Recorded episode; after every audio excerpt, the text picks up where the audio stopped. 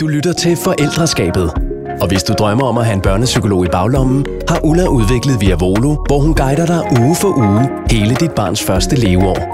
Rigtig god lytning. Ja, men øh, så vil jeg sige velkommen til dig, Silas Victor Holst hedder Ja. du faktisk. Ja, Det er sjældent, jeg bliver præsenteret sådan. ja, og de fleste kender dig jo som Silas Holst. Du er 38 år gammel, Mm-hmm.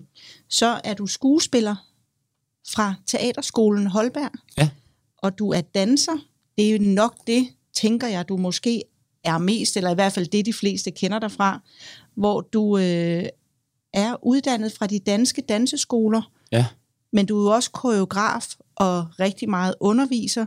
Så har du været syv gange mester i, altså dansk mester i standard danse, Latindanse. latindans. Latindanse. Nå, for søren. Så øh, har du været med i Vild med Dans i syv sæsoner, Det tror jeg meget rigtigt. og har vundet tre af dem. Ja. Den ene af dem, og første, så vidt jeg ved, i verden, Mm. hvor det var to mænd, Ja. der vandt. Ja, det var meget Det vildt. var øh, jo også utroligt, det skal have så meget opmærksomhed, men dejligt, og det skal Ja. det selvfølgelig, fordi at det er virkelig dejligt, at vi er nået dertil. Det må man øh, afgjort det sige, kan ja. lade sig gøre. Ja. Så er du også sanger, og du er også forfatter. Og forfatterskabet, som jeg lige kunne se det, det handler netop meget om det her med, det som vi skal tale om, det at være blevet forældre, og være Mhm. forældre på den måde, I nu har øh, valgt Ja. at gøre det. Ja. Øhm, og det er det, jeg også glæder mig til at høre rigtig meget om. Men først og fremmest vil jeg lige høre, altså fordi jeg har ikke nævnt alle de forskellige ting, du har været med i. Om, om, Nej. den her, om du synes, den her præsentation er der er dækkende, for ellers så, så. Meget dækkende. Okay, dejligt. Meget dækkende. Altså, for du er jo med i tonsvis af musicals, både som sanger og som danser, og nu ved jeg, at du har slået dig ud mest af alt som sanger, Ja. også lige inden corona kom, Ja, og så lagde så var det så ikke så meget mere bagefter. Nej, det er en Øh, frygtelig tid. Ja, det har været en lang tid. Det har været Ja. en lang periode uden sådan øh, rigtig at vide, hvornår. Det meste af usikkerheden, ikke? eller uvidstheden om, hvornår verden åbner igen, synes jeg har været Ja. ja. svært at kapere. Ja, plus at for dig, når du så ligesom lavede sådan et, et, en lille stilændring i forhold til, hvad, du, hvad der skulle være hovedkilden, kan Ja. man sige, så ligger der jo noget arbejde i at skulle have det banket op igen. Altså, det er det, der er lidt usynligt, og Ja. det man ikke får nogen penge for, eller noget Ja, ja, som det helst, ikke? at man pludselig skal i gang med at lave en hel masse arbejde igen omkring det. Så held og lykke med det. Jo, i tak. Hvert fald. tak. Men det vi jo så i dag skal snakke om, det er forældreskabet, som er det, den her podcast handler om. Og du har to børn. Du Ja. har Maggie My. Hvor gammel er hun? Hun, det er meget vigtigt at hun bliver syv lige om lidt. Så Det går hun er meget syv, op i. Når vi sender det her. Ja, syv år, det kan jeg da godt forstå. Ja, det fylder meget. ja. Og så er der Bob Jones. Ja, han er fire. Han er fire år. Og sådan som jeg har forstået det, Mhm. og det er det, der er spændende. Nu er jeg så spændt. at de børn har du sammen med Johannes Nymark, som er din eksmand, Ja, og med Louise, som er jeres fælles veninde. ja, Og hun er kæreste, eller gift, det ved jeg ikke, med Brian. Og I alle sammen bor sammen i det samme hus. ja sådan mere eller mindre. Mere eller mindre. Ja, Ja. godt summeret op. Og du har ikke, altså det begge børnene er nogen, I har fået sammen. Ja. Det er rigtigt forstået. Ja. ja. Og så er I så gået fra hinanden, men har besluttet jer for at blive boende sammen. Ja, Ja, for børnene. ja for Og også fordi vi selv synes, det er faktisk er ret hyggeligt. Ja. Øhm, og så kommer jeg jo selv fra et, øh, et skilsmisse hjem, øhm, som også var en lykkelig skilsmisse. Så, så for mig var det ikke sådan et, øhm, da vi blev enige om at blive skilt, så var det ikke nødvendigvis sådan en, nu skal vi, nu kommer vi til at ødelægge børnenes liv. Mm-mm. Øhm, som jeg tror, mange andre har den vinkel til en skilsmisse. Hvad skal der nu ske? For mig handlede det meget om, at det bare øh, skulle være øh, praktisk og skulle løses øh, for børnenes skyld. Ja. Også for vores egen skyld selvfølgelig. Men, men der var ikke nogen af os, der var i tvivl om, at det var dem, der ligesom var fokus, og så måtte man jo selv som voksen æde nogle kameler Ja. undervejs og få det til at lykkes. Ja. Og så øh, af praktiske årsager blev vi jo boende, fordi vi jo, når jeg havde et hus, øh, som gudskelov var stort nok til, at vi ligesom kunne dele det ind. Øh, og så øh, fandt både Johannes og jeg øh, nye kærester sådan, inden for sådan en overskuelig øh, periode efterfølgende. Mm. Ret tilfældigt begge to. Øhm, og så havde man jo ligesom et, et helle, kunne man sige. Når man så ikke havde børnene, kunne man ligesom tage ud til sin kærestes lejlighed. Ja. Og så havde børnene ligesom deres, øh, deres dag springer ud derfra hver dag. Ja. Øh, fra det samme sted. Og så er det også voksne, der må køre lidt rundt omkring og, og få det til at løses. Ja. Øh, men vi var ret enige om, at, at selvfølgelig skal børnene have deres udgangspunkt der, og så må vi finde ud af det undervejs. Fantastisk. Det er Ja. virkelig, jeg har en øh, baggrund også med 10 år som børnesagkyndig Ja. i retten, hvor jeg ikke sidder med den Åh, type ja, sager. ja. Så jeg vil sige, det, øh, Ja. det er virkelig dejligt at høre, at det øh, har været muligt for jer at gøre det på den her måde. Ja, jeg synes faktisk, der var... Øh, da vi blev skilt, det, det, det er jo ikke nemt at blive skilt for alle dem, der har prøvet det. Det er jo ikke, fordi Nej. Det er sjovt. Øh, jeg kan huske, Johannes og jeg havde sådan en snak på et tidspunkt, lige efter vi blev øh, skilt, hvor vi satte os ned og, og delte en flaske rødvin. Øh, og så kan jeg huske, han sagde noget i retning af, at, at vi skal nok nå derhen på en eller anden måde. Vi skal nok, selvom det er kaotisk og alt vi skal nok løse det, for vi har begge to sat kryds det samme sted på skattekortet. Ja. Og det er børnene. Og så er det godt være, at vi skal hver sin vej rundt om øen og alt muligt andet, men vi skal nok nå derhen, for det er det, vi begge to gerne vil finde. Og det var en ret fin øh, metafor på noget, vi så har kæmpet for at få til at lykkes. Og ja. det, øh, det lykkedes. Og hvornår blev I egentlig skilt? Vi blev skilt i 17, har jeg lyst til at sige. Det er en fire år det er siden. lige efter Bob Jones er blevet født. Ja, han blev født i januar, og så blev vi skilt i december. Ja.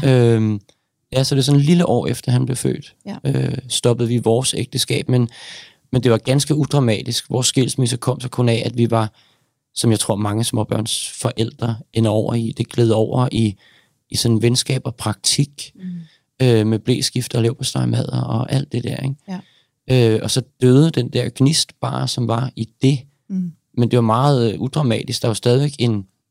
Det er det, jeg synes, man skal forstå, når, det, når man snakker skilsmisser. Der er jo stadig enormt meget kærlighed, hvis man er heldig. Ja. Øh, og vores sluttede gudskelov udramatisk. Så, så vi havde sådan en klar billede af, at vores kærlighed var jo ikke død. Den, den skulle bare finde en anden form nu. Øh, et andet stadie. Vi skulle have en kærlighed sammen i. Øh, og den fandt vi som venner, gudskelov. Ja. Og den, vi var også venner, inden vi blev kærester, Johannes og jeg. Mm. Og det kunne vi ligesom finde tilbage til igen. Ja. Og det var enormt dejligt. Ja, det er. Eller det er enormt dejligt. Og det er virkelig, ja, det er også dejligt at høre på som børnepsykolog. Det er godt. Ja, Det er godt. Og hvornår, øh, nu har det jo ikke altid ligget i kortene, når nu du er 38 år gammel, at man to mænd kunne få, Nej, at man overhovedet kunne blive far. absolut ikke. Og hvornår, øh, hvornår gik det ligesom op for dig, eller har du været igennem sådan en periode, hvor du troede, du skulle aldrig blive far eller forældre?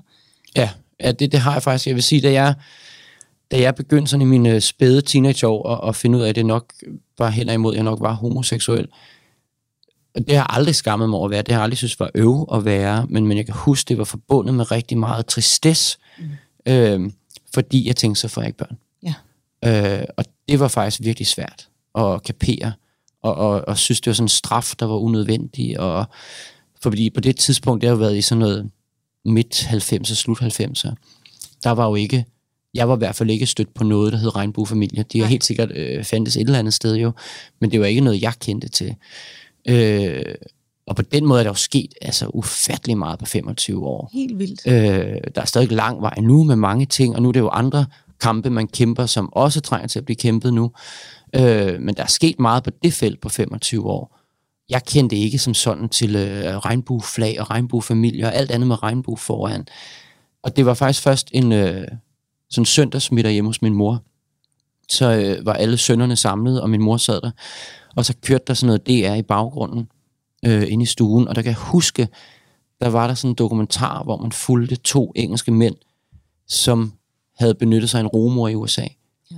Øhm, og fik Gud hjælp med et barn med hjem til England. Og det kan jeg huske, jeg sad og åd råt, samtidig med, at jeg jo ikke altså kunne vise min familie, jeg sad og så det og stirrede på det, for de vidste ikke, at jeg var homoseksuel endnu. Nej. Øh, så jeg kan huske, at jeg sad og spiste de krebinetter og, og så kun fjernsyn øh, og prøvede at følge med i en samtale og tænkte, shit, hvor er det vildt det der, der sker i mit fjernsyn lige nu. Og det revolutionerede alting for mig. Ja. Og jeg tænkte, så kan jeg jo godt blive far. Ja. For det var godt nok en stor øh, sorg at skulle igennem, da jeg indså, at det blev jeg nok ikke. Ja, det kan For det har jeg altid drømt om at være. Ja. Øhm, og så fandt jeg ud af, at det kan lade sig gøre, hvis jeg bare bliver millionær og, og får amerikansk statsborgerskab. Og det er sådan små ting, tænkte jeg, det, det skal jeg nok få løst, men det kan lade sig gøre, det her. Og så er det lige pludselig sådan en helt anden verden, der åbnede sig for mig. Ja. Hvor jeg tænkte, så skal jeg jo have børn. Og det var også øh, noget, Johannes og jeg snakkede om på første date. Jeg kan huske, at jeg spurgte ham, om han havde lyst til at få børn. Øh, som jo måske lige aggressivt nok på en første date, selvfølgelig. Men, Lige over for kortene jamen, jeg, det tænker jeg, for jeg tænkte, ja. det er jo spild af tid, hvis du ikke har lyst til at få børn. Ja. For så er det ikke dig og mig, der skal bygge en fremtid sammen. Øh, og han havde det gudslov på fuldstændig samme måde. Så det har vi altid været helt øh, klar over, at det var det, vi skulle, Johannes og jeg sammen, på en eller anden måde. Og dejligt. Men du kendte, du kendte jo ikke til regnbuefamilier og regnbueflaget og farverne, men kendte du overhovedet til, at, ud over det, du så på tv, to fædre, der havde fået børn sammen? Overhovedet ikke. Nej. Det, det var slet ikke i min omgangskreds. Nej. Øhm, der har været mange øh, homoseksuelle mennesker i, i min øh, families omgangskreds, altid.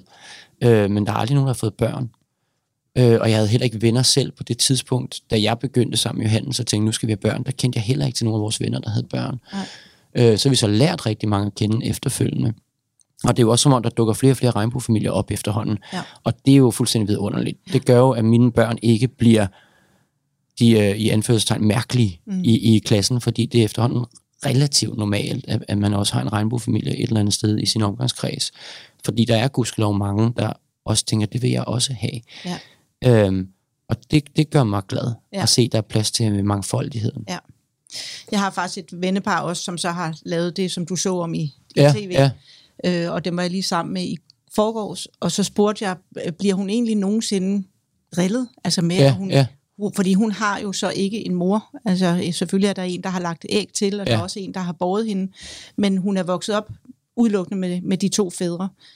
Øh, nej, sagde de, og hun er syv år, ligesom jeres ja. ældste.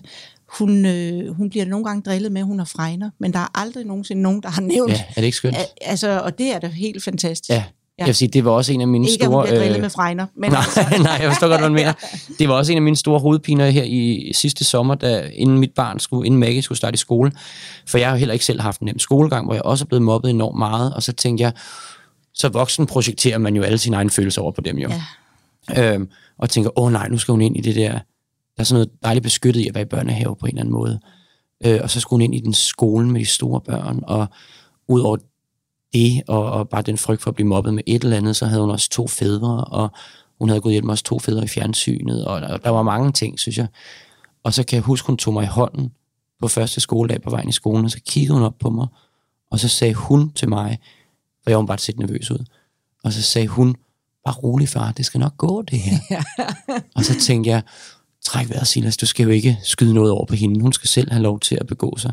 Ja. Ja. Og det går simpelthen så godt. Hun er heller ikke blevet drillet med det en eneste gang. Øhm, overhovedet ikke. Og hun, øh, jeg bliver stolt hver gang jeg henter hende og tænker, hold kæft, hvor er du god til det der med venner og være social og give noget og forlange noget også. Og du, du Ja. ja. håndterer det så fint, altså. Ja. Det bliver man stolt af som forældre. ja, Det gør man bare. Det er meget simpelt. Livet bliver meget enkelt på en eller anden måde, når man bliver forældre. ja, Og helt vildt skræmmende også på samme tid jo. ja. Men det bliver også enormt simpelt, for alt bliver bare målt derfra. Ikke? Jo. Og hvis de har succes, så er resten ligegyldigt Ja. på en eller anden måde. ja, det er dejligt. Ja. Øh, og inden vi når til det, at selv at blive forældre, nu har vi jo lige berørt det lidt, så kunne jeg tænke mig at høre dig, fordi du har jo også selv nogle forældre. Mm. Øh, hvordan er du vokset op? Altså, øh, Jamen også sådan lidt broget, har jeg lyst til at sige. Øh, jeg øh, er jo som sagt også skilsmissebarn, og jeg kan huske, at min mor og far øh, kaldte min bror og jeg ned i, i spisestuen, da jeg var fire, og fortalte så, at nu skulle mor og far skilles. Øh, og jeg kan huske, at min reaktion, det var, at jeg sagde, yes! Øh, jeg blev helt vildt glad, øh, fordi selv som fireårig kunne jeg se, at det fungerede bare ikke som ægtepar, de to. De var super gode forældre, men de fungerede bare på ingen måde sammen. Øh, og det lettede alt ind i mit liv. Og tænkte, så får jeg to. Jeg tror allerede der kunne jeg se som fire år. Jeg tænkte, nu får jeg to glade forældre. Ja. Øh, er og så må vi løse det på en eller anden måde. Ja. ja. Øhm, og så øh, flyttede jeg sammen med min mor og min bror. Og min far flyttede i en lejlighed. Øh, og vi flyttede ind hos min, i sådan en mellemperiode, indtil min mor lige fandt et stort sted i livet med os to. Så flyttede vi ind i hendes venindens lejlighed, sammen med hendes veninde. Og fik lov til at få et værelse derinde. Øhm, som var et helt vildt hyggeligt sted ude i Brøndshøj. Øhm, som var helt vildt trygt og rart og roligt. Øhm, lige ude ved Udderslev Mose, hvor der var masser af natur. Og, og på en eller anden måde tror jeg, at vi alle sammen sådan begyndte at trække vejret og tænke, har sgu meget dejligt at bo herude og få ro på livet igen. Øhm, og det var et tofamiliers hus, hvor hun så boede i den øverste lille lejlighed. Og så blev underetagen af det hus sat til salg. Og så købte min mor det. Okay. Øh, og så flyttede vi bare ned i stueetagen. Og så havde man ligesom min mors barndomsveninde ovenpå. Mm. Øhm, og hun blev jo på alle måder sådan en øh, ekstra forældre for mig også, og for min bror. Øh, så jeg har egentlig lidt fornemmelsen af, at jeg også selv er vokset op med tre forældre. Ja. Hvilket ikke er noget, jeg har skænket en tanke, før jeg skrev en bog, hvor jeg selv sad og analyserede mit eget liv og opvækst. Hvor det slog mig, jeg, har, jeg giver mine børn præcis det videre, jeg selv har fået. Ja. Det har jeg aldrig tænkt over før. Nej. Øhm, men hun blev ligesom sådan en ekstra mor for os, når min mor så tog på arbejde. Så var det hende, der passede, for hun var øh, danser, ligesom jeg også er blevet. Så hun arbejdede om aftenen, og min mor arbejdede om morgenen. Så, så der var altid sådan en voksen, der tog sig af os på en eller anden måde. Og hun kørte os i skole, og hun lærte mig at danse, hun lærte mig at cykle, og alle de her ting, en forældre jo gør. Mm-hmm.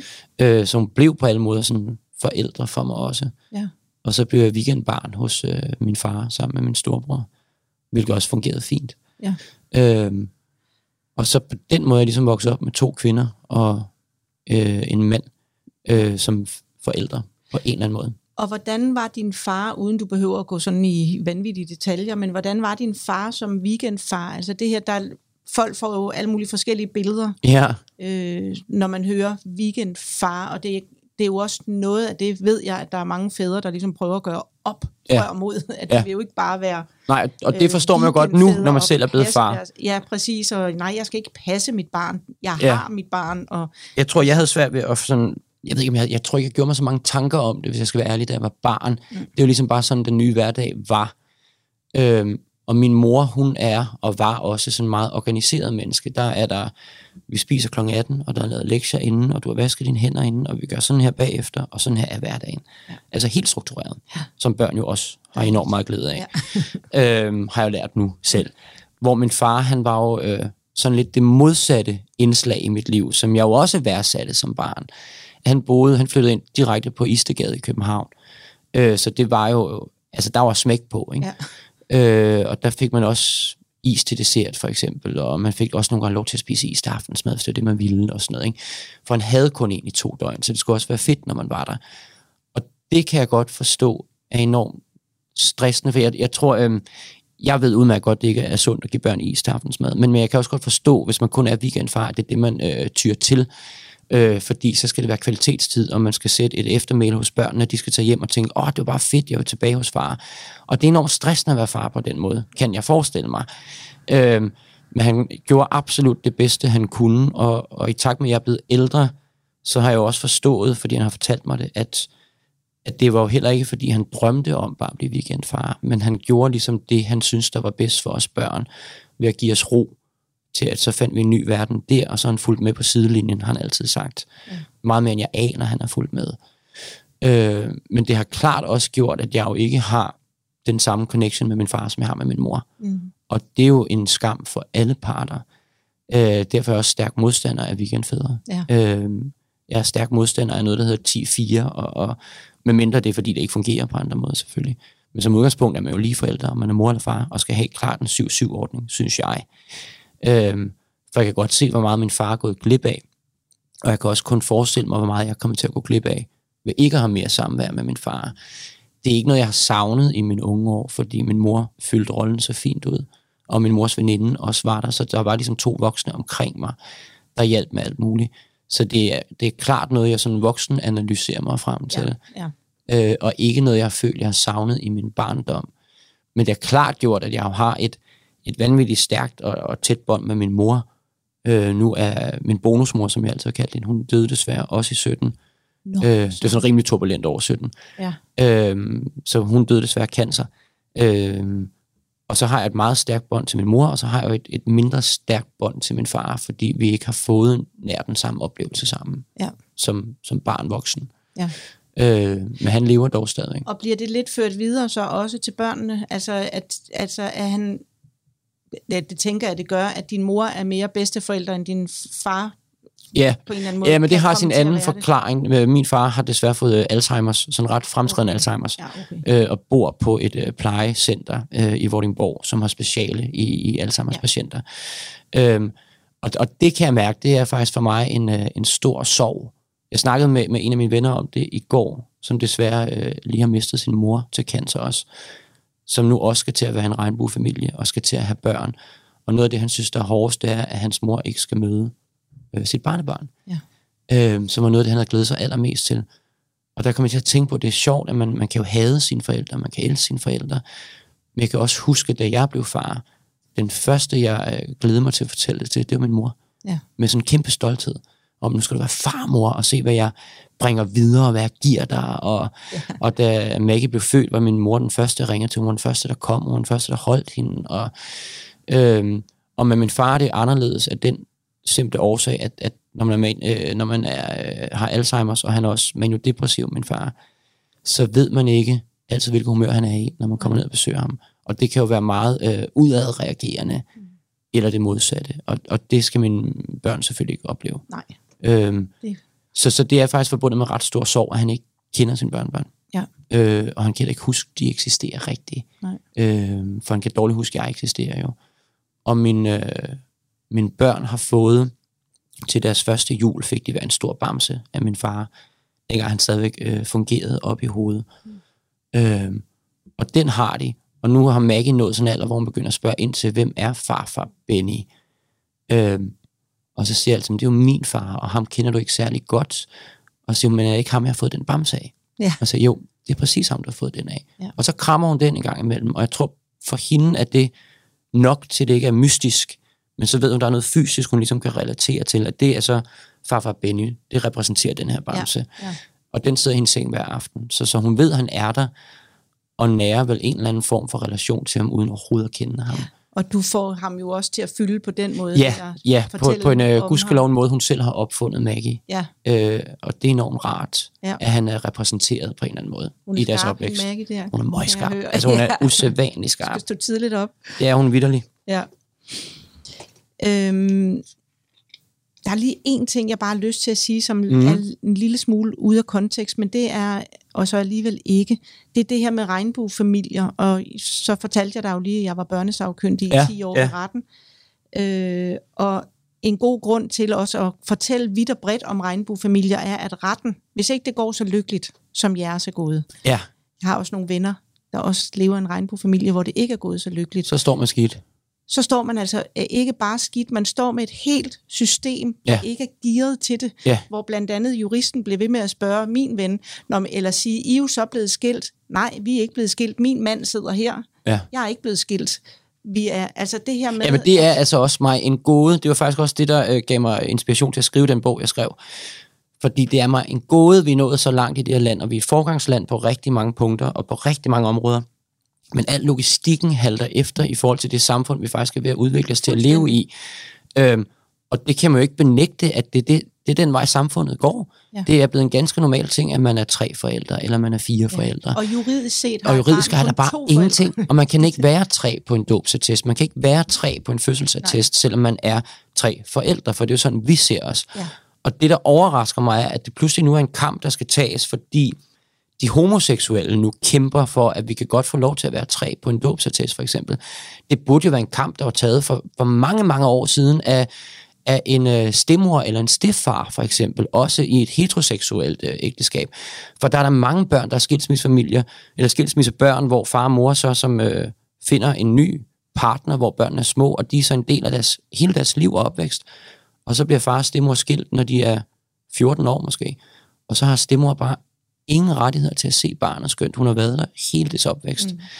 Øh, det, det, det er et øh, forskroet gammeldags øh, system, vi, Ja. vi sidder og kæmper i, synes jeg. Og jeg prøver i den grad at slå en kamp for, øh, eller slå et slag for, undskyld, at man, selvfølgelig skal man kunne være tre på en fødselsattest, selvfølgelig skal man kunne være tre på en dåbsattest. Ja. Øhm, Og retorikken, når man sidder og taler, skal også være, være at man anerkender, at der er to mænd her, som Ja. er gift med hinanden, og hvor der er en, en mor med Ja. indover. Ja. Altså det, altså Jamen, så det var ved jeg, faktisk at- noget af det, der gjorde ham fu- fuldstændig hvid i hovedet, min ven der. Jamen, jamen, det forstår jeg godt. Af, af, hvor han sådan, og jeg tror, han sagde det fem gange under øh, det her møde, hvor jeg var med som bisidder bare. ja, ja, Øh, hele tiden, nej, min mand sidder her, jeg er ikke blevet skilt. ja. Men han ville simpelthen ikke anerkende det, juristen over på den anden side. og det er altså kun, det er fem år siden. Altså, det er Jamen, jeg, ikke, tror, jeg tror ikke, det har ændret sig. Det, det Nej. tror jeg faktisk ikke, det har. Nej. Altså, jeg synes også, det er, det er jo på en eller anden måde at negligere, at man er forældre. Ja. Øh, også noget sådan noget lavpraktisk noget, som jeg kan for eksempel ikke øh, sikre mig, at vi kan være tre på vores datters intra på skolen for eksempel. For der er kun to forældre, der har adgang til intra. Øh, så den tredje af os er ligesom bare ikke med på intra, og må så få beskeden fra en af de to andre forældre. Og, ja. og det er håbløst gammeldags. Altså helt håbløst. Og så kan man sige, i jeres tilfælde, gør det ikke så meget. Jeg laver det lige i Nej, citationstegn. Jeg forstår godt, hvad du mener. øh, fordi I så kan kommunikere og har det godt sammen. Ja. Men, Men tænk, hvis vi ikke gjorde det. Ja, så er der en, der bare risikerer at blive lukket ude fra Ja, det, og så måske få at vide, jamen du kan selv henvende dig til læreren og spørge, eller det er Ja. det, jeg hører fra nogen, jamen han kan da bare, eller hun kan da bare selv ringe og spørge læreren, hvordan det går, og det har man da altid måttet, og ja, men det er jo ikke det samme, men det er som nemlig ikke bare det samme. adgang Det er nemlig ikke det til at samme. gå ind og se, Og nogen vil sige, det er småting og sådan noget, men det er ikke småting. Nej. Fordi det er hele tiden med det system, vi har en daglig reminder om, at, at man ikke er en rigtig familie. Ja, Øhm, ja, Og det er konstant sådan en, en våd klud i hovedet, man får sig non-stop. Ja. Øh, næsten i alle henseender. Øh, når det er noget med det juridiske i hvert fald. Ja. Øhm, fordi det, det, det er en håbløs kamp, men det skal kæmpes, og på et eller andet tidspunkt tænker jeg også, at de kære mennesker inde på Christiansborg må vågne op mm. og se, at, at de er de følger ikke med i udviklingen i, hvordan samfundet uden for murene øh, udvikler sig. Nej. For det går stærkt, og der, der er mange... Da jeg skrev min bog, fandt jeg ud af, at der er 37 forskellige familieformer bare i Danmark. Mm. 37 forskellige måder at lave en familiekonstellation på. Det er mange, og det er vores system slet ikke gearet til. nej, Men det, kan, det er der ikke noget at gøre ved, fordi de 37 familieformer, de findes. ja. Og så må man få systemet gearet til at kunne følge med. Og hvornår skrev du den bog? Den skrev jeg i 18. Ja, øh, så det er... T- øh, Det er nu to-tre år siden, den udkom. Ja, ja og så de børn er jo så to-tre år nu. Og Ja. man ligesom tænker på, hvis vi bare tager Maggie My, Ja, hun er syv nu, og begynder ja. virkelig at have en holdning til ting, og være, øh, øh, har, tager stilling til mange ting Afgjort. allerede i den alder. Og hun er jo vokset op i alt det. Så det, jeg egentlig prøver at sige er, ændringerne går jo stærkt. Altså Helt børnene vildt. kommer jo ind, Helt og øh, vildt. altså, det kan ikke nytte noget, det tager 10 år at få lavet det system om, fordi så står der altså nogle, nogle unge, som... Øh, og det ser vi jo allerede nu, som taler et helt andet sprog, altså også i, med hensyn til, hvad køn man er, og Ja. hvis man ikke føler sig tilpas i sin krop, ja. og alle sådan nogle ting. Der er jo masser af ting, hvor man kan sige, at systemet bliver meget hurtigt overhalet indenom. Det er faktisk det bare gør jeg det. prøver Jamen, og det gør det jo, og, og, og jeg kan også godt forstå, at der er rush hour mm. på systemet. Det forstår jeg godt, for der sker meget ja. i vores samfund i øjeblikket. Det gør der vi det. Der er, som du også selv er inde på, hvis man ikke føler sig tilpas i sin egen krop, så er det jo også tiden nu, hvor man kan få lov til at sige, ja, det jeg er, og jeg er sådan her, jeg vil gerne tales til sådan her, jeg vil gerne betragtes og behandles sådan her. Mm.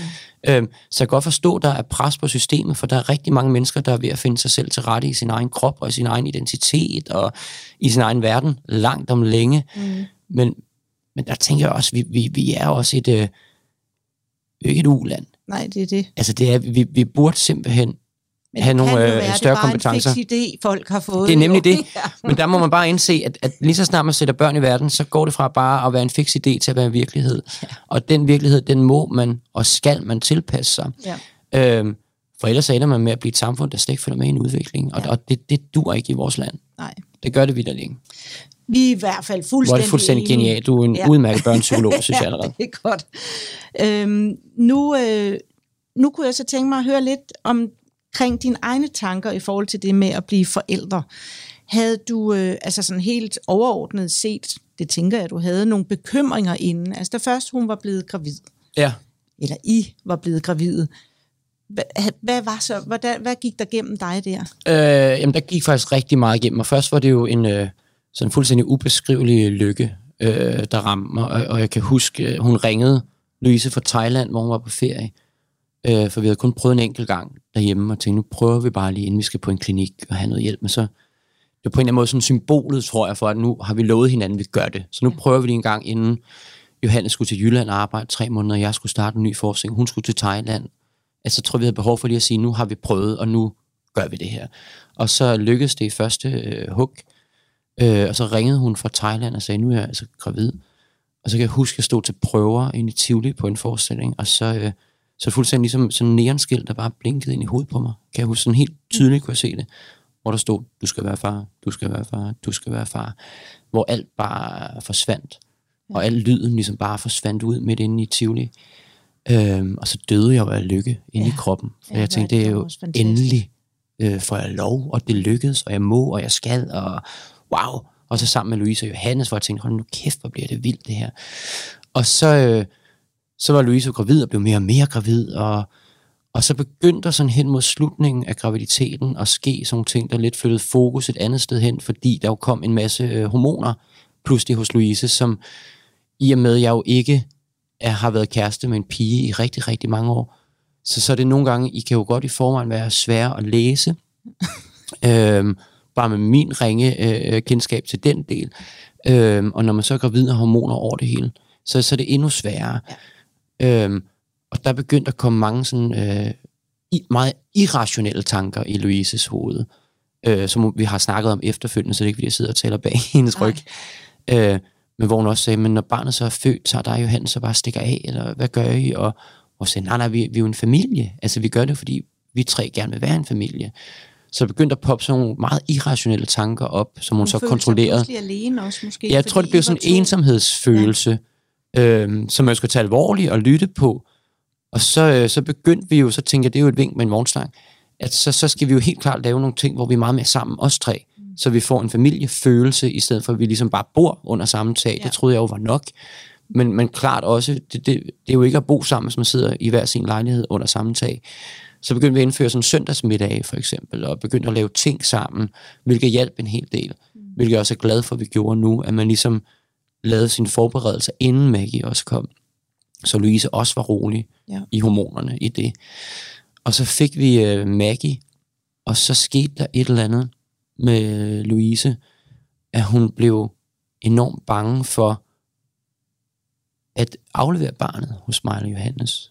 Øhm, hvor det var en vidderlig en svær øh, tid, og en mørk tid, og en hård tid, for det var ligesom at stå på toppen af bjerget og råbe, jeg er blevet far, og så forsvandt det hele sådan tre dage efter, hvor Louise ligesom forsvandt ind i sig selv, og det, barnet kunne kun overleve, hvis hun sad med det på armene hele tiden, og, og hvis faren bare så meget som kiggede på det, så ville der ske et eller andet, og det var kun hende, der kunne, og, og, og, og hvilket også var enormt anstrengende for hende jo. Ja, selvfølgelig. Øhm, for hun fik jo aldrig sovet, altså hun havde aldrig en pause, og, og vi prøvede ligesom at respektere det ved at sige, så går vi med på denne her leg, men hvor lang tid skal vi gå med på den leg, for vi vil også gerne se vores barn, mm. Og, der endte vi faktisk med at sidde og tænke, hvad er det, vi har gjort? Ja. Øhm, indtil vi fandt frem til, at vi øh, skulle i noget parterapi, ja. os tre sammen, og som så blev noget familieterapi. Så fandt vi en, en super skøn øh, familieterapeut, som vi tog nogle timer hos, mm. og øh, snakkede. Og det fede med en terapeut, det er jo, at det er jo alle tiders øh, safe room til at smide svisken på disken. Ja. Altså, der, der er all bets off på en eller anden måde. Der må man sige alt, for man ved, der er en eller anden topprofessionel på den anden side, der griber en, og nok skal runde samtalen af, så man går hjem derfra og kan holde hinanden i hånden. Ikke? Øh, og uden det, så, så, øh, så er det svært at se, hvor vi var havnet henne af. Øh, men jeg vil sige, Louise kom jo også til sig selv igen, og, og i og med, at det var første gang, vi også blev forældre, anede Johannes og jeg jo heller ikke, hvad der foregik. Nej. Louise anede heller ikke, hvad der foregik. For hun var jo enormt ulykkelig over, at hun var sådan, men hun kunne ikke styre det. Øh, og det var jo bare hormoner, der havde taget over. Ja. Indtil hun ligesom fandt ud af, hvor vigtig en far eller fædre også er for et barn. Mm. Øhm, og da hun ligesom begyndte at indse, at, at hvad er det, jeg laver? Det var, det var sådan et aktivt valg, kan jeg huske, hun har sagt, om at hun skulle kæmpe imod alt, hvad der føles naturligt i hende. Ja. Fordi hun godt vidste, at det, hun følte var naturligt, var enormt unaturligt. Men, men det er jo svært, når det føles rigtigt i noget. Så hun skulle gøre noget, der sådan var imod det, hun selv troede, hun skulle, for hun godt vidste, at hun tænkte var forkert, ja. hvis det overhovedet giver mening. Ja, hun blev ramt af sådan en fuldstændig irrationel beskyttertrang, kan man sige, ja. hvor hun følte nærmest, at og den var en måned, på tror jeg. Barn. En måned, ja. Ja, men, men for mig, jeg husker det som om, vi var igennem det i tre år. Ja. Det føles som tre år den måned. Ja. Øhm, hvor vi så mere stille og roligt indførte aftaler, så Louise også kunne være i det, og vi kunne være i det. At i dag har vi så barnet i to timer her, mens du er ovenpå. Ja. Og, og efter to timer kommer vi op, og fra på mandag er det tre timer, og så gør vi sådan her, og fra på næste mandag aftaler vi nu, så du kan nå at vente til det, at vi går en tur med hende i barnevognen her, og du tager en lur. Og da vi ligesom begynder at indføre de der skemalagte ting, så begyndte hele også at slappe af lige pludselig, for ja. så kunne Louise også slappe af, og kunne se, at vi var super fede, også med børn, eller med Maggie, var det jo kun dengang. Øh, og så fandt det ligesom sådan helt naturligt leje, hvor Louise jo også godt kan se den luksus, der er som nybagt mor at kunne aflevere et barn og lige tage en lur. Ja. Øhm, som man jo i den grad også har brug for ja. som mor. Så den måned føltes som, som tre år, kan jeg huske. Men, men på en eller anden måde er jeg, det lyder forkert at sige, jeg også er glad for, at vi var igennem den måned, for det er jeg jo selvfølgelig ikke. Men det satte også alting. Jeg tror, vi ligesom tog vores kampe der, og fik skabt hele grundlaget for det, der nu fungerer optimalt for ja. os dengang. Ja. Fordi vi, vi fik taget alle snakkene og set hinanden fra hinandens grimmeste sider i den måned. Øhm, så jeg tror ligesom vi alle tre nu tænker, der er ikke flere overraskelser tilbage Nej. i bagagen. Vi har set, når det bliver grimmest. Øh, så nu er der jo også en anden øh, frihed i bare at kunne tale livet af posten til hinanden. Ja. Øh, og det er jo en enorm øh, gave at tage Ja. med derfra. Så, du, så det var jo faktisk en særlig måde at blive øh, far på, eller fædre på, nu er det dig, der sidder Ja. ja. far på, med, så du op, må have næsten have oplevet det fuldstændig anderledes, da I så fik øh, jeres andet barn. Der var alt anderledes. Ja. Der havde man jo en mor, altså Louise, som var helt øh, rock'n'rollet jo. Ja. Øhm, hvor hun jo også bare sagde, her, tag ham endelig, endelig. Øh, Ja. Hvor det fungerede fuldstændig optimalt. Jeg der tror, da vi fik Bob, der, der fungerede det sådan, som jeg havde troet, det ville fungere. Mm. Øh, altid bare, hvor man bare sagde, "Men så er han lidt der, så er han lidt her, og så er vi lidt sammen der, og, og der rock'n'rollede vi den bare. Ja. Øhm, men det er også altid nemmere at blive andengangsforældre. Ja. Øh, Ja, for der ved man jo, at der sker jo et eller andet helt irrationelt, også i fædre jo, når man bliver far, at man, man er jo hele tiden konstant i sådan en dødsangst for, at barnet dør. Ja. Altså sådan havde jeg det i hvert fald. Jeg tænkte, hvis jeg nu øh, kan jeg have en på armen, mens jeg koger pasta, eller kommer de der varme dampe, brænder de hende, eller, eller altså jeg, var- jeg var hele tiden sådan en konstant angst for at gøre skade på hende på en eller anden måde. Øhm, fordi det er jo det dyrebareste, man overhovedet kan forestille sig at have. Ja. Og har jo lyst til at pakke hende ind i sådan en dyne hele tiden, så hun ikke slår sig. Ikke? Og da Bob kom, så tænkte man, det giver jo meget godt med den første. Så det gør det nok også med nummer to. Og så slapper man jo gudskelov øh, dejligt af. Man burde unde alle at få to børn. Ja. Fordi anden gang, det er bare så meget øh, simplere, synes jeg. Ja. Og Nu skal jeg ikke generalisere, der er sikkert også nogen, der kæmper Jamen, med jeg- anden gang. Jeg tror, langt de fleste siger på den måde der, Ja, øh, fordi det bare er. Altså, min mor sagde altid, den første er prøvekluden, ja. øh, og hvor man ikke aner, hvad, altså, hvor man bare skal Jamen, lade, der er jo også noget sandhed i det. det. Ja. det er det jo. Øhm, tror du på, at man kan forberede sig ud, altså nu, ja, man kan sige helt konkret, den situation, I kom til at stå i, den sidder jeg lige og tænker, mens du taler, den kunne man måske godt forberede sig på. Det kunne I ikke, for I vidste det ikke, men hvis nogen hører det her, kan de Rigtigt. i hvert fald forberede sig på at tage måske noget af det på, Ja. på forskud. Men tror du på, at man kan forberede sig på det at blive forældre? Altså de der følelser med angsten og dødsangsten Nej, og alle de ting. Jeg tror, man kan læse rigtig meget. Det gjorde vi også. Vi, vi havde jo så ikke, ikke noget øh, litteratur, der lige omhandlede øh, regnbuefamilier dengang, men, Nej. men så støbte vi jo lidt sammen fra hist og pis for forskellige bøger og klistrede og sådan noget, ikke? Øhm, og lavede plancher ud for det. Så vi synes jo, vi var enormt forberedt og havde læst enormt meget om at blive forældre, men, men det er jo noget fuldstændig andet, når, når hverdagen så rammer. Det, det kan man jo ikke læse sig til. Nej. Øhm, og, og jeg kan huske, da jeg, da jeg fik hende i armene, jeg synes, det at være med til en fødsel, det, det var, altså det er jo det smukkeste, jeg prøvede, men det er også klart det mest uhyggelige, jeg nogensinde har deltaget i. Øhm, for det var også en ekstrem hård fødsel, Louise havde med Maggie, som tog mange, mange timer, og Maggie sad fast, og det, det var ret voldsomt. Øh, og på alle måder, det modsatte af, hvad Louise havde drømt om og håbet på i ni måneder. Øhm, og endte med at blive taget med, med sugekop, og, og det, det var en ret voldsom oplevelse. Så ved man altså også allerede, at risikoen stiger for den reaktion, hun fik ved at bare... Ja, ja, men rigtigt, ja. rigtigt. Ja. Og det blev ikke ligesom bearbejdet efterfølgende heller, hendes øh, øh, følelser omkring hendes fødsel. Og, og det lærte vi i hvert fald der, hvor vigtigt det er at få bearbejdet efterfølgende. For det har jo sat sig klart som sådan en traume hos Louise, ja. hele den oplevelse. Også helt fysisk på hendes krop satte ja. Det sig som sådan en fysisk traume, som jeg kun kan forstå øh, nu. Øhm, men jeg kan huske, da jeg så fik Maggie i armene, der havde alle folk altid snakket om, at når man første gang man får hende i armene, så, så dør man af lykke, øh, og mærker kærlighed for første gang og sådan noget. Hvor jeg tænkte, "Jamen, så må man jo prøve det. Og så fik jeg hende i armene, og så, øh, så kan jeg huske, det, det er fuldstændig rigtigt, det folk siger, og det er svært at forklare den følelse, man får.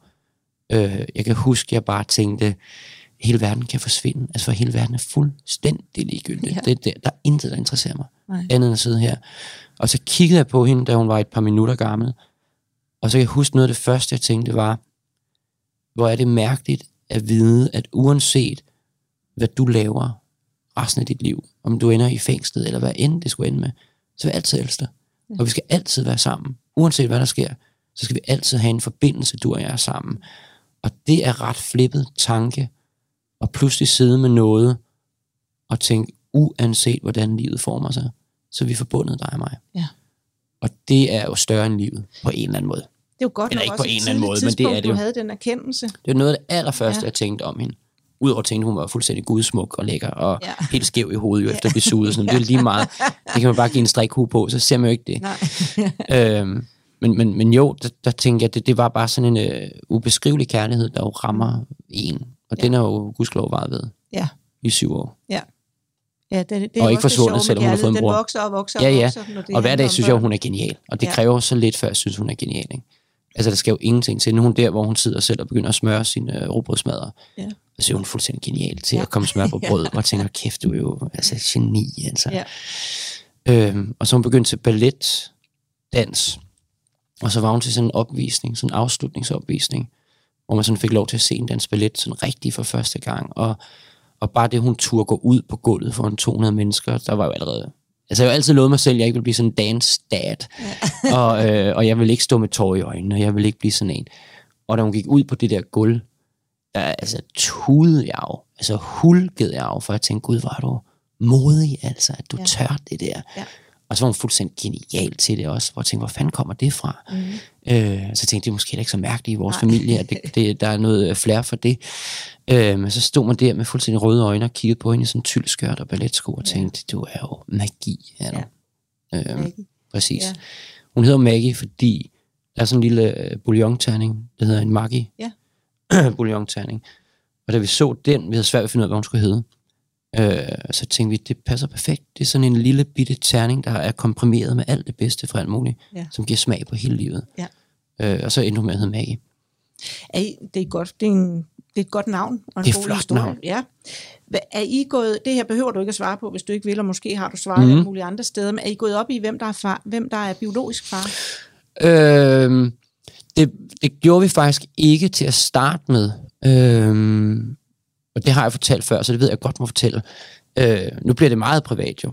Ja. Men, men det er jo fint for kan mig. jeg jo godt Nå, udmærket. Ja. Dengang vi ligesom skulle øh, lave Maggie, der, øh, der tænkte vi, kan vide, hvordan vi skal gøre det. Og så tænkte nu prøver vi jo bare sådan lidt hjemme, hjemmelavet Mm. udgave først. Og så blev vi enige om, at... Øh, og så snakker vi om, hvordan skal vi gøre? Skal det så være den ene far, der prøver først, og så den anden far, så går det på tur, eller, eller hvordan gør man det her? Det lyder også voldsomt. Og, og så blev vi enige om, at så vil vi ligesom mig og Johannes gøre det, man nu engang gør, op i en kop, og så bare blande det, Mm. og så måtte det være op til skæbnen, tænkte Ja. ja. vi. Og så ville vi ikke vide det, øh, når hun blev gravid, hvem der var, og hvem der ikke var biologisk. Øh, og så blev hun jo gravid, og så øh, er der jo noget i det der med, at man skal vide, hvis nu der er noget ved en fødsel, der går galt, så skal man jo helst vide, hvem man kan hive på og, og kan donere et eller andet, eller blod til, Ja. eller et eller andet. Og det bliver vi ligesom nødt til at have med i overvejelserne jo. Men så kan man jo lave, hvilket er helt absurd nu, en DNA-prøve af et foster, hvilket er fuldstændig sindssygt jo. Ja. Ja. Men det kan man. Øh, så det fik vi gjort, og så fik vi sendt øh, det over til USA, og så sendte de svarene til vores advokat, der ligesom bare havde det i en kuvert, som vi så kunne ringe til, hvis I vil vide det. det var nødvendigt pludselig. Øh, så han ligesom også sad standby, da Louise gik i fødsel og sådan noget. Så kunne man ligesom ringe til ham og sige, vi har brug for 8 liter blod, hvor skal de komme fra? Øhm, og så var det egentlig ikke noget, der interesserede os derfra yderligere, fordi vi jo begge to er far, øh, og føler os som det helt ind i hjertet, og er det helt ind i hjertet. Og så er det egentlig først, at vi skulle have barn nummer to, at man ligesom skulle finde ud af, hvem der var til den første, så det var den anden, der kunne blive til den anden. Nå, okay. Øhm, og så fandt vi ud af det på den måde. Ja, så på den måde gik I jo så faktisk op i det. Ja, men først, da vi skulle have barn nummer to, Ja, så, det så er der jo... kunne mærke, okay, så vil jeg gerne, hvis jeg ikke Jamen, er det er noget med første. at videreføre gener, tror Ja. jeg, begyndte at fylde noget. Øh, det er jo ikke på intet tidspunkt været noget med følelser involveret egentlig. Nej. Det er sådan helt lavpraktik Ja. i at videreføre gener, der pludselig øh, nu skal jeg ikke kunne tale på kvindekønnets vegne, men i hvert fald for en mand er det vigtigt, tror jeg. Det, det er noget urinstinkt, der pludselig dukker op. Ja, og vi kan jo Øhm. ikke sige, for, fordi vi får det jo af os selv. Man kan sige, Jamen, vi er det er jo det. meget heldigt stillet der. Vi kan Ja, den ja. stilling der, om det betyder Men, men noget. det, der er interessant, det er jo at mærke, hvordan man bliver, når man bliver far. At, at der sker, apropos det der med urinstinkt, jeg kan huske, da jeg var øh, tredje dags far, tror jeg, til Maggie, der, der blev jeg helt restløs i min krop, og kunne ikke trække vejret, øh, og vidste ikke, hvad jeg skulle. Og, fordi jeg kiggede, kan jeg huske, på Louise og tænkte, det, det, er jo, det er jo sådan en våd klud, synes jeg, man som far får i hovedet. At, fordi man finder ud af, når barnet er født, der er jo som sådan ikke rigtig brug for en. Ja. Øh, og, og det når man jo ikke at tænke på i ni måneder. Der tænker man, jeg skal have hende på armen 24-7. Og så finder man ud af, når virkeligheden rammer, at, at sådan er det jo i sagens natur ikke det første stykke tid. Der er det jo moren, der er Moren, der relativt for øh, væsentlig og Ja. vigtig. Og der bliver man jo nemlig, så skal man finde sin plads og sige, jeg har intet at gøre med mit barns overlevelse. På ingen mulig måde. Det er alt sammen moren. Og det kan godt føles øh, lidt som blive kastreret som mand, at, at man har ikke noget ansvar for det lille menneske, man elsker. For det er kun moren, der klarer det, og det klarer Louise til UG. Men så skal man finde ud af, at så skal jeg så sørge for, at mor kan klare den chance. Så, så får man ligesom ansvaret for, at mor har det godt. Ja. Og køber ind til Louise, og lavet mad til Louise, og sørget for, at der var vasket sengetøj til Louise, og alle de der ting. Og, og så kan jeg huske på et tidspunkt, der på dag 3, tænker jeg, jeg bliver, jeg bliver nødt til at mærke min maskulinitet på en eller anden måde. Og det er jeg jo aldrig gået op i rigtigt, hverken det ene eller det andet. Øhm, og så tog jeg mig selv i sådan helt irrationelt og tænkte, jeg skal fælde et træ. Det, det var sådan det eneste, der stod klart, det var dagens projekt. og, så, og det er jo et eller andet uinstinkt, der, der træder ind for at føle sig enormt maskulin. Ja. Og tænkte, så går jeg ud, og så, så hakker jeg kraftet med en økse, for jeg havde ikke en sav. Så går jeg bare i gang med at hakke et træ til det Så håber jeg fældet. virkelig, det lykkedes, Silas. Det gjorde det ikke, nej. nej det, gjorde det ikke. For så kom Johannes ud på et tidspunkt, så kan jeg huske, at han sagde, hvad, altså, hvad er det, du laver? Mm. For jeg har aldrig øh, hakket i et træ før. Jo. Og så sagde jeg, jeg bliver nødt til det. For, for hvad nu, hvis der bare bliver øh, isvinter, for eksempel, og, og alt varmen går, der, der skal være brænde, øh, til vi kan fyre op. Og så kan jeg huske, at han sagde, Silas, vi har heller ikke nogen pejs jo. Det, det er fuldstændig, det, det er irrationelt, det er du i gang med. Hvor jeg så kiggede på den der økse, og med sådan lidt blodige vabler i hænderne, og på altså, noget af et græntræ, der ville have taget et år at fælde på den der måde. Jo. Og tænkte, hvad er det, du laver? Ja. Øh, og så, så sagde han, jeg, jeg tror simpelthen, det, du, du trænger til en lur. Altså, jeg, jeg tror, du er ved at blive tosset, Silas. No.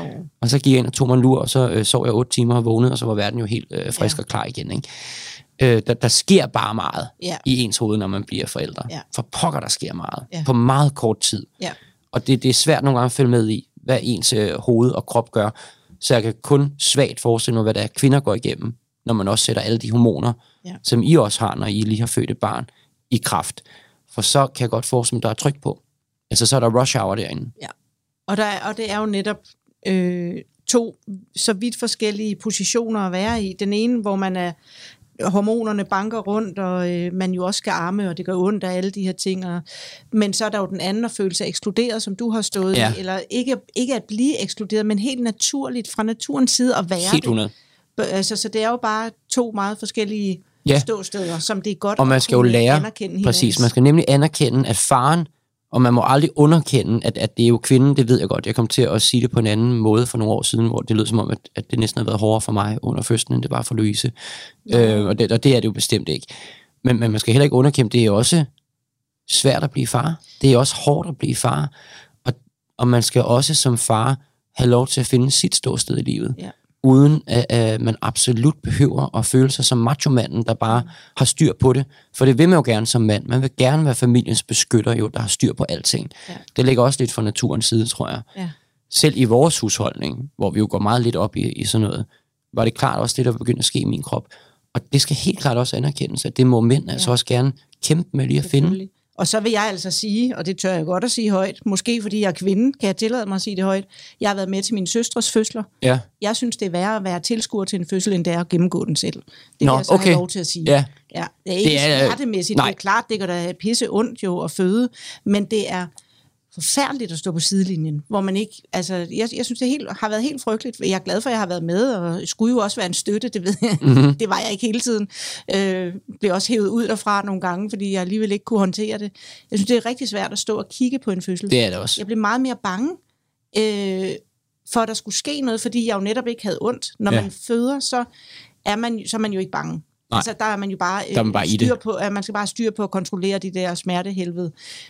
Men man har jo, er, er jo ved sin sansers fulde fem, når man ikke føder, Ja. og kan jo netop stå og blive bange for, er det der normalt, og skal det, være, skal det gå sådan? Og når det så ovenikøbet er en fødsel, du kan godt høre, jeg i gang med at forsvare dig lidt, Mm. når det så Jamen, det er også ovenikøbet helt er en stille. svær fødsel, som det der har været med fastsiddende skuldre, øh, er jeg Mm. mm. ud fra, at det var skuldrene, ja. ja. Altså, som jo er også en jordmors marit. Øh, så forstår jeg altså virkelig godt, det har været hårdt at stå og kigge på. Det vil jeg bare sige til dig. Det er jeg glad for. Ja. Louise sagde det faktisk også, at, at, at hun er glad for, at hun var i det, og ikke skulle stå og kigge på Ja. det. Og det, det er rigtigt, det er det der med at først inden Maggie jo blev øh, født, der, der har man som, som far ikke som sådan en, selvfølgelig har man en relation til fosteret inde i maven, men man har jo ikke som, som kvinder mærket det, man har ikke mærket liv, man har ikke mærket noget, der vokser, man har bare set et 3D-billede. Ja. Det er ligesom den relation, jeg havde til hende på det tidspunkt. Mm. Så inden hun stak hovedet ud og sagde hej til verden, der var al min bekymring jo på Louise, hvor jeg tænkte, det er jo øh, altså min allerbedste ven i hele verden, og et af dem, jeg elsker allerhøjst, øh, som ligger og, og, og har så mange smerter, og jeg kan ikke gøre noget. Ja. Ja. Jeg kan ingenting gøre. Det, det er en enormt svær følelse, Ja. at man bliver lidt bare tilskuer til Ja. en frygtelig skrækscene. Ja, plus at det, der skal komme ud, altså det er jo allerede far, altså forældrefølelsen, der er i Ja, gang, ja, ja. som du heller ikke kan gøre noget Ja, ved. Altså du kan bare stå og kigge på, er- og er, er barnet købt eller solgt, for Ja. det er jo den følelse, man har, når man er tilskuer til en fødsel. jeg vil især sige, da Maggie stak hovedet ud og, og begyndte at sidde fast, for også tænkte, gud, nu er der dobbelt op på, på mennesker, jeg allerede elsker helt sindssygt højt, som, og, og skal det hele ende galt, og jeg kan huske, at jeg stod kun der, og pludselig løb det ind med jordmøder og sygeplejersker, og der var frygtelig mange mennesker derinde. Og så havde vi gudskelov en, en vidunderlig jordmor, der, øh, der godt kunne se, at jeg panikkede, altså hyperventilerede helt hardcore i baggrunden. Jo. Ja. Og så sagde hun, øh, bare rolig, øh, så længe der er under 8 i hvide kitler herinde, så skal du ikke være bange. Nej. Og så talte jeg, så var der syv. Og tænkte jeg, okay, det skal nok gå, det skal nok gå. Og, og, og så føles minutterne jo som timer. Det har måske, fra de kom løbende ind, har det taget fire minutter, så var Maggie ude. Ja. Men, men jeg, jeg har det som om, det var et døgn. Jeg stod der i Ja. de fire minutter og kiggede og tænkte, skal jeg nu miste to, jeg elsker højere end noget andet i livet? Eller overlever begge to? Eller... Og det gjorde de jo gusk takker over. Alt endte jo øh, lykkeligt. Ja. Øhm, Og er det også endt med så, at, øh, at det er den anden, der blev far til Bob? ja, Så I er simpelthen biologisk far til hver en, og ved Ja. børnene det? øh, nej. Nej. Det er også derfor, vi... Øh, altså, de kan jo nok godt regne ud, når de bliver ældre, at, at der kan jo ikke være to, der er biologisk. Nej. Men det er også derfor, vi ikke går ud, og det er altid, når jeg bliver interviewet, så, så er det næsten altid det første, folk spørger om, Nå. om hvem der er biologisk til hvad. Ja. Øhm, og, og det er ikke, fordi det skal være en velbevaret hemmelighed for evigt og altid. Jeg synes, det er Men, men der er noget i, at, at hvis det bliver interessant for vores børn på et tidspunkt at vide, så er det jo klart dem, der skal vide det før herre og fru Hansen i Esbjerg ved Ja, det. ja. Øh, det er deres ret. Det skal de vide først, hvis det nogensinde bliver interessant. Ja. Og, og selvfølgelig bliver det jo interessant på et eller andet tidspunkt for dem at finde ud af det. Det vil jeg formode, det gør. Ja. I en vis grad i hvert fald. Ja, det bliver da i hvert fald interessant at følge med Ja, i, det er jeg også selv spændt på, hvornår ja. de begynder at stille spørgsmålstegn til, at vi er tre. Ja, Øh, for det er ikke sket endnu, for de er jo ikke vant til andet. Og de har også mange venner, som også har tre forældre. Så jeg tror også, den dag, de begynder at spørge ind til det, har jeg en fornemmelse af, at det vil bare være nysgerrighed. Det er ikke noget, der vil revolutionere deres verden på nogen mulig måde.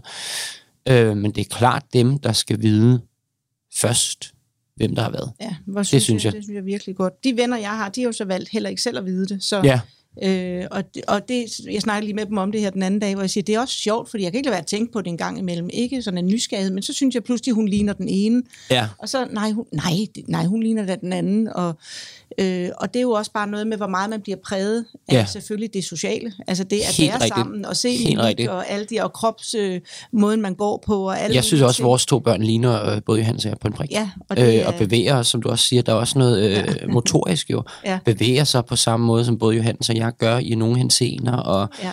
taler jo på samme måde, og har samme jargon, som vi har. Ikke? Ja. Og, og, og, og på den måde øh, kan man jo snakke biologi eller øh, opvækst. Ja, Øh, hvad der præger et barn mest, og, Ja. og den skal man nok slet ikke åbne, når vi ikke har mere tid, end vi har.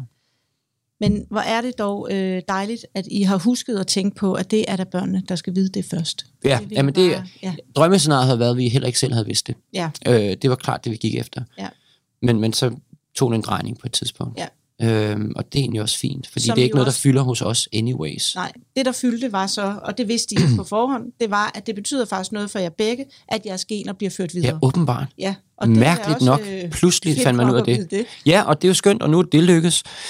Øhm, og det er også derfor, vi viser for eksempel heller aldrig vores øh, børn på sociale medier. Øh, det skal folk jo have lov til, hvis de har lyst til det. Det skal jeg ikke dømme. Øh, vi gør det ikke. Øh, af den simple grund, at der begyndte at være rigtig mange, der på alle billeder begyndte at kommentere, hvem de troede. Det blev sådan en gættekonkurrence. Ja. Hvem de troede, der var den. Øh, og så begyndte vores børn at blive genkendt i Føtex og sådan noget. Selv når vi ikke lige var, når jeg lige stod med hovedet ind i, det var, det var der, det skete, kan jeg huske, jeg var i Føtex med Maggie, og så, øhm, så stod jeg med hovedet inde i sådan en køledisk og skulle have to liter mælk ud, og hun sad bare i vognen. Øhm, og så kan jeg høre to ældre damer, som jo ikke har set, jeg står der. Øhm, Og så kan jeg høre dem sige, Gud, det er Maggie My, hende der. Og så tænker jeg, det skal du ikke. Nej. Det skal du ikke være sådan en, folk kan se, hvem er. Nej. Og genkende. Du skal bare være pigen være i en stribet sømandskjole i Føtex med din far. Øh, og så øh, stoppede vi med at komme billeder på af dem nogle steder. Og tænkte, det må de jo selv tage et valg om, når de ja. bliver ældre, om de har lyst til. Så der er ikke noget, der er, er, er hemmeligt. Der er også mange, der spørger, hvorfor vi aldrig viser billeder, og det gør det endnu mere mystisk. Og det, det er egentlig ikke, fordi vi prøver at gøre noget som helst mystisk overhovedet Nej. med det ene eller andet. Jeg tror bare, vi, vi er meget bevidste om, at, at vi er en familie, som, som i perioder er ret meget øh, i søgelyset. Og det skal de øh, prøve at skånes for, så vidt muligt de kan, så de selv kan tage et valg, hvis det er det, de ønsker senere i livet. Og det synes jeg er rigtig godt. Jeg har Det skrevet en bog også. også faktisk, der hedder Forstyr på dit barns digitale verden. Og mit Ja. argument for, at man ikke skal lægge en masse billeder op af børnene, før de selv er store nok til at sige, at det er okay, det er faktisk, at hvordan kan vi så begynde at undre os over, at at børn deler ting af hinanden Rigtigt. øh, ukritisk, rigtigt. hvis, hvis forældre har delt om dem. Øh, og mange børn fortæller også, det var ikke engang mig selv, der fik lov at fortælle, at jeg havde fået kørekort, eller det var ikke engang mig selv, fordi det var allerede smidt ja. op på de sociale medier af min øh, mor eller far. Ja, og det er jo altså Øh, også så det rigtigt. der med selv at få glæden og fortælle dig et eller andet, man, der er sket, eller man har fået en høj karakter, Ja. eller nu har jeg fået hugen på, eller nu er det lige meget de unge. Men det er jo også de unge, der bliver kritiseret for. Det er jo også dem, der har lagt ting op om nogen, øh, altså det her med at dele ting i lukkede Mm. grupper, men i store lukkede grupper, øh, hævnporno, alle sådan nogle forskellige ting. Det, måske at den ukritiske deling af billeder med til at sløre grænserne. Jamen, for- det er den helt 100. Og, så på den måde... Jamen, og i alle er aspekter jo også i, i forhold til, nu siger du selv hævnporno, men, men også i mit, mit store hjertebarn er jo mobning, Ja. og der kan man sige, at sociale medier altså, har jo også pustet liv i alle gløder, hvad, hvad det angår. Ikke? Jo. Øh, så sociale medier er jo godt på mange parametre, det synes jeg jo, det er. Øh, det gør jo, at man føler sig, man har i hvert fald mulighed for at føle sig mindre ensom, tror jeg, ved at have en følelse af at have et socialt netværk et eller andet sted. Men, men samtidig med det, så, så skaber det jo også rigtig mange konflikter for rigtig mange unge mennesker, for der går også prestige i det på en eller anden måde. Og, øh, og jeg tror, det som min næste tanke er begyndt at have, for min datter begynder at spørge om, hvornår hun må få en mobiltelefon. Ja. Og det, det må hun absolut ikke som syvårig. Nu tror jeg, vi havner på et kompromis lige pt, der hedder, når du bliver 10, må du, øh, hvor du så kan ringe til mor og far og far, og det er sådan cirka, hvad den kan ja. På det tidspunkt. Nokia 3310. Præcis, ja, ja. Præcis. Vi har stadig en liggende. Ja. Øhm, og, og jeg tror, det er kompromis, vi havner på lige nu. Men, men, men det er klart, det, det er den næste bølge af store overvejelser, man skal til at gøre sig som forældre og tænke, hvordan griber vi så hele den verden an? Gigantisk. For det er en ny stor verden. Ja. der så skal åbne sig, som man jo også skal guide sine børn, måske endnu mere igennem, end man skal i den fysiske verden, synes jeg. Ja. Øh, for den er fyldt med rigtig mange farlige fælder, den digitale. Øh, og, og det er da klart, at, at det er det næste, man er begyndt som forældre til nu syvårige at tænke, hvordan skal vi gribe alt det an? Ja. Når det rammer, for det rammer før, end man egentlig som forældre har lyst til, at det skal Ja. ramme. Og det kan være, at der en dag også bliver en podcast om det, for det er også et emne, jeg bliver der brænder helt rigtig sikkert. meget for. Men øh, nu skal vi faktisk til at runde af. Nej, er det rigtigt? Ja, der er simpelthen gået en time. Gud, hvor men, hurtigt. Øh, men nu får du et spørgsmål, Ja. der øh, du sikkert skal tænke lidt over.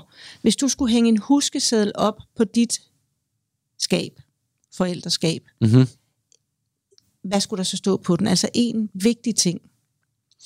Så skal der øh, øh, stå, jeg har desværre en tendens til, når øh, børnene, de, de får også lov til at sidde med deres iPads en gang imellem derhjemme, og lige zoome ind i deres egen verden, at der skal helt klart stå, at jeg skal huske også at interessere mig øh, noget mere, for min datter spiller meget Minecraft i øjeblikket. Mm. Øh, jeg, jeg, jeg skal lære, hvordan man spiller Minecraft. Jeg, jeg skal ligesom interessere mig for hendes verden, kan man sige. Og Ja. det gør jeg jo på rigtig mange aspekter, men men, men når hun sidder og spiller Minecraft, hun spurgte mig for eksempel, hvordan får jeg, hun spurgte mig i morges, hvordan får jeg zombien lavet om til en dragefar? Og jeg tænkte, jamen, jeg ved ikke engang, hvordan man staver til Minecraft, tror jeg. Jeg, jeg har aldrig set det spil.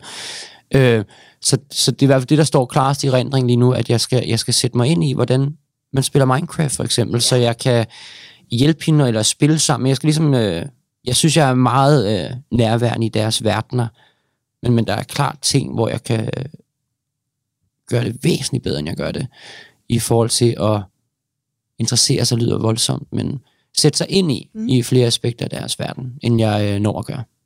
Det lyder som et rigtig godt øh, råd til dig selv, og til Ja. andre forældre Ja. også. Ja, sæt dig ind i dit barns digitale verden. Mm, Ja. for den er, er farlig og sige- stor og ny. Ja. Også for mig. Og jeg plejer også altid at sige, at sige ja tak til invitationen, bare for at Rigtigt, tilføje, det er måske det. inviterer, inviterer, inviterer, og man, Ja. åh nej, det, Det er måske præcis det der, jeg mener. Eller Ja. det er præcis det, jeg mener. Sig ja præcis det der. Sig ja tak. Det skal Ja. der stå på køleskabet. Sådan. Så vil jeg simpelthen sige tusind tak, Silas, fordi du øh, ville komme ind og være med i den her podcast. Det er mig, der takker. Super interessant og rigtig dejligt, øh, ærligt. Nå, det er jeg glad for. Om. Så Tak. tak for det. Selv tak. Jeg vil gerne give dig et fast holdepunkt i dit nye liv som forælder. Derfor har jeg skabt Via Volo. En streamingbaseret forældreguide, hvor jeg guider dig uge for uge gennem afsnit af 3-10 minutters varighed fra 33. graviditetsuge og helt frem til dit barns et års fødselsdag. Via Volo koster 1800 kroner og kan købes på viavolo.dk.